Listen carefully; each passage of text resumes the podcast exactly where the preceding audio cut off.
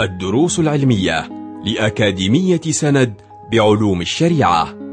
المرحلة الأولى شرح ميسر لمجموعة من المتون المختصرة تفيد المتلقي في دنياه وآخرته.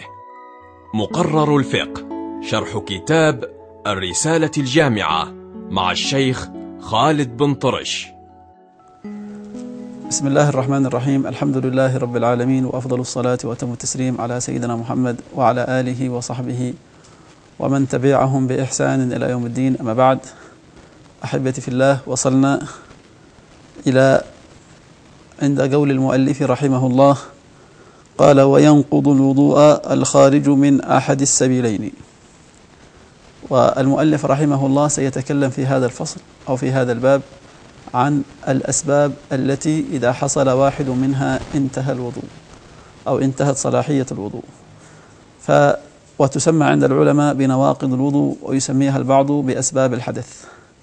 وهي عبارة عن الأسباب أو الأمور التي إذا حصل واحد منها للمتوضئ انتهت صلاحية وضوءه أو بطل وضوءه ويجب عليه إذا أراد أن يباشر عبادة من العبادات التي يتوقف أو التي يتوقف صحتها على الوضوء يجب عليه أن يجدد وضوءه لتلك العبادة.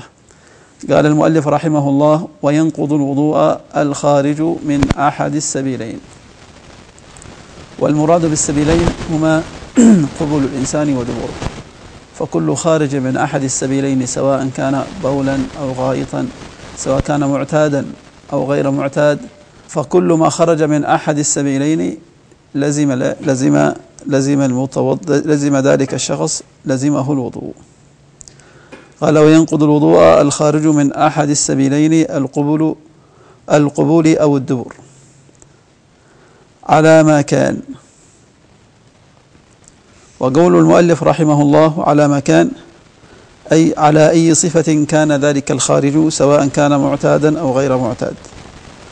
وغير معتاد يعني من باب فرض الأمور كأن يخرج مثلا منه دم أو حجرة أو دودة أو غير ذلك فكل ما خرج من أحد السبيلين يلزم المتوضئ الوضوء. قال وينقض الوضوء الخارج من أحد السبيلين القبول أو الدبر على ما كان. هذا هو الناقض الأول من نواقض الوضوء. الناقض الثاني من نواقض الوضوء قال الشيخ وينقض الوضوء زوال العقل بنوم أو غيره.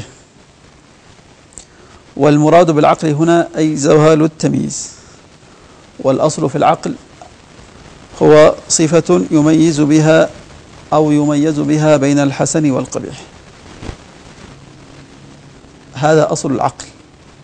هو صفة يميز بها بين الحسن والقبيح وسمي العقل عقلا لأنه يمنع صاحبه من ارتكاب المعاصي والفواحش. لكن المراد هنا من زوال العقل أي زوال تمييز زوال التمييز. فإذا زال تمييز الإنسان بأي شيء كان سواء كان زال تمييزه بنحو نوم مثلا أو بنحو إغماء أو بنحو سكر أو بنحو سقطة كأن يسقط مثلا من من مكان عالي فزال تمييزه. فبمجرد أن يزول تمييز الإنسان انتقض وضوءه. وقال الشيخ رحمه الله وينقض الوضوء زوال العقل بنوم أو غيره. ودليلنا حديث أبي داود رضي الله عنه قول النبي صلى الله عليه وسلم العينان وكاء السه فمن نام فليتوضأ. فمن نام فليتوضأ. إذا فإذا زال عقل الإنسان بنحو نوم أو إغماء أو سكر أو نحو ذلك فبمجرد أن يزول تمييز الإنسان نقول انتقض وضوءك ويجب عليك أن تعيد الوضوء إذا أردت أن تباشر عبادة شرطها متوقف أو صحتها متوقف على الوضوء. قال الشيخ إلا نوم ممكن. فهذا يستثنى هذا مستثنى مما أو من الأمور التي يزول بها التمييز. مستثنى من الأمور التي يزول بها التمييز. قلنا نحن الأمور التي يزول بها التمييز ليست مقتصرة على النوم. هي النوم والإغماء والسكر. لكن العلماء رحمهم الله وفق النصوص والأحاديث والأخبار استثنوا زوال التمييز إذا كان حصل بنحو نوم. يعني التمييز إذا زال التمييز الإنسان بنحو نوم. الأصل أنه يلزمه أو, أو الأصل أنه آه، ينتقض وضوءه. لكن هناك حالة مستثناة من من زوال هذا التمييز. ما هي هذه الحالة أحبتي في الله؟ هي إذا زال تمييزه بنحو نوم وكان وقت وكان وقت زوال التمييز بنحو النوم قاعدا ممكنا مقعدته من الأرض. ها إذا كان زال تمييزه لكنه كان قاعدا. والمراد بالقعود هنا ليس أي قعود ولكن القعود الذي يكون أو يوصف به الشخص بكونه ممكنا. والتمكين هنا هو إلصاق الإليتين بالأرض بحيث يأمن من خروج شيء من من دبره. إلا نوم ممكن مقعدته من الأرض. إذا فإذا نام على هذه الحالة بمعنى زال تمييزه بنحو النوم وكان ممكنا مقعدته من الأرض بحيث يأمن ويتيقن عدم خروج شيء من منه من من دبره من نحو ريح أو غيره.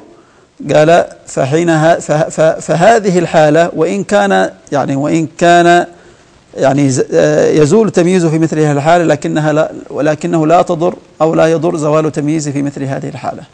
يعني في حالة إذا كان ذلك الشخص ممكنا مقعدته من الأرض. لكن اشترط العلماء عليهم رحمة الله حتى في هذه الحالة لابد هناك من أمور من, من, من أمور أخرى.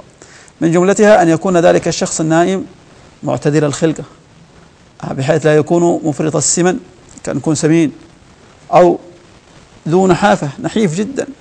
لأن يعني الإفراط يعني الإفراط في السمن مثلا أو الإفراط في النحولة يعني هذان يعني لا يأمن معهما خروج يعني خروج شيء من من يعني من, من, من الإنسان وإن كان صاحبه ممكنا مقعدته من الأرض. ولذلك اشترط العلماء عليهم رحمة الله أن يكون ذلك شخص متوسط الخلقة. هذا هو الشرط. الشرط الثاني يعني أن يقوم أن ينتبه من نومه ويكون على الحالة التي نام عليها. أما لو كان نام هكذا مثلا ثم استيقظ وإذا برجله مرتفعة أو يعني قام على غير الهيئة التي نام عليها فنقول حينئذ آه، لا يكفي لا يعني لا فزوال العقل هنا يكون مؤثرا في نقض الوضوء. يعني هذه هي الشروط المعتبرة في يعني في في هذه الحالة المستثناة. إذا الشرط عندنا بمعنى الناقض من الذي هو ناقض من نواقض الوضوء هو زوال العقل. فإذا زال عقل الإنسان بأي شيء كان إذا خرج الإنسان عن طور تمييزه نقول انتقض وضوءك. لكن هناك حالة واحدة يعني لا وإن كان يزول فيها عقل أو يزول فيها تمييز الإنسان لكن لا ينتقض وضوءه وهذه الحالة هي حالة النائم الذي ينام ممكنا مقعدته من الأرض وكان معتدل الخلقة ثم ينتبه على الحالة التي نام عليها فهذا وإن نام ساعات وساعات فإن وضوءه يبقى يبقى موجود. آه، وهناك من اشترط أيضا شرطا وهو أن لا أن لا يخبره عدل أن لا يخبره عدل. يعني فلو كان عندك شخص جالس عدل يعني آه، موثوق به يعني يأمن القلب آه، صدق يعني يقع في القلب صدقه وأخبرك بأنه قد خرج منك شيء وأمنت أو وثقت بكلامه وخبره فقال بعض العلماء أيضا ينتقد الوضوء في مثل هذه الحالة وإن كنت وإن توفرت بقية الشروط بقية الشروط في تلك الحالة. قال الشيخ رحمه الله وينقض الوضوء زوال العقل بنوم أو غيره إلا نوم ممكن مقعدته من الأرض. هذا هو الناقض الثاني. قال الناقض الثالث وينقض الوضوء مس قبل أو دبر أو دبور آدمي. إذا مس القبل أو مس الدبر. لكن شرط المس هنا أن يكون ببطن الكف وبطون الأصابع. إذا هذا ناقض من نواقض الوضوء. فإذا مس الإنسان قبوله أو دبوره أو قبول شخص ابنه مثلا كان يكون ابنه مثلا مس قبول ابنه أو الأم مست يعني أرادت أن توضئ ابنها الصغير فمست دبوره مثلا أو ميتا مثلا شخص شخص أراد أن يغسل أو يغسل ميتا فوقعت يده في قبوله مثلا أو في حلقة دبوره. قال الشيخ رحمه الله وهذا هو المقرر عندنا معاشر الشافعية فإذا مس الإنسان قبولا أو دبرا من حي أو ميت من نفسه أو من غيره وكان ذلك المس ببطن الكف. أه؟ وهذا هو بطن الكف. ما يلتصق يعني ضابطه يعني ما يعني إذا وضع الإنسان إحدى كفيه على الأخرى لا يرى منه شيء. فيخرج به الأطراف هذه هذه لا تؤثر إذا مس بها قبلا أو دبورا. وكذلك بطون الأصابع. ما يحصل منها الالتصاق عندما تضم إلى اليد الأخرى. فلو مس قبلا أو دبرا بما بين الأصابع مثلا فهذا لا يؤثر في نقد الوضوء. وأما الإبهام فهكذا. هذا هو الشرط عندنا عندنا معاشر الشافعية عليهم رحمة الله. قال ببطن الكف وبطون الأصابع كبيرا كان أو صغيرا. قال ولو ولده ولو كان ذلك الممسوس ولده. ولو ميتا. أي ولو كان ذلك الممسوس ميتا. فالشرط عندنا إذن الذي ينقض به الوضوء هو أن يمس ببطن الكف أو أو بطون الأصابع يعني قبولا أو دبرا سواء كان من نفسه أو من غيره وسواء كان ذلك قريبا منه أو غير قريب وسواء كان ذلك الغير حيا أو أو ميتا. ففي كل هذه الأحوال ينقض منه الوضوء. ومن جملة الأدلة عندنا معاشر الشافعية قوله صلى الله عليه وسلم من مس ذكرا من مس ذكرا فليتوضأ. وفي لفظ من مس ذكره فليتوضأ كما أخرجه آه كما أخرج في السنن. قال الشيخ رحمه الله وينقض الوضوء التقاء بشرتي رجل وامرأة كبيرين أجنبيين. فهذا أيضا ناقض هذا هو الناقض الرابع من نواقض الوضوء. إذا فإذا مس الرجل آه، آه، بشرة امرأة. أو مست المرأة بشرة رجل. فقلنا هنا فينقض وضوء وضوءهما. ينقض وضوء اللامس والملموس. لكن شريطة أن يكون كل من الرجلين أو من الرجل والمرأة شرطهما أن يكونا كبيرين. والكبر هنا آه، حده العلماء عليهم رحمة الله ليس بالسن ولكن ضابطه ضابط الكبر هنا في باب نواقض الوضوء يعني أن يبلغ كل منهما حدا يشتهى فيه. وكيف يشتهى فيه؟ يعني أن يبلغ الرجل حدا يعني يمكن أن تميل أن يميل إليه أو أن تميل إليه أو أن يميل إليه قلب المرأة. هذا هو حد الكبر. وكذلك أن تبلغ المرأة يعني سنا أو يعني قدرا من السن بحيث يميل إليها قلب الرجل. فهذا هو له هذا هو ضابط الكبر. أن يبلغ كل واحد من الرجل والمرأة حدا حدا يشتهى فيه. ولا يتقيد ذلك بسبع سنين ولا بثمان ولا بتسعة ولا بعشر. المهم هذا هو الضابط. هذا هو الضابط بأن يبلغ كل منهما حدا يشتهى فيه. وقيد بعض العلماء وهو هذا هو الراجح. يعني حدا يشتهى فيه عند ذوي أرباب الطباع السليمة وليس وليس الشذوذ. فرب امرأة مثلا أو بنت يعني يعني يعني لم تبلغ حدا يشتهى فيه عند ذوي طبع سليم مثلا. ويمثل العلماء دائما في كتبهم أن من من أمثال ذوي الطباع السليمة المتفق عليه عند العلماء مثلا كالإمام الشافعي رحمه الله بالنسبة للرجال وكالسيدة نفيسة بنت الحسن بالنسبة بنت بالنسبة للنساء. هذا هو ضابط الكبر. قال وينقض التقاء بشرة بشرتي رجل بشرتي رجل وامرأة كبيرين أجنبيين.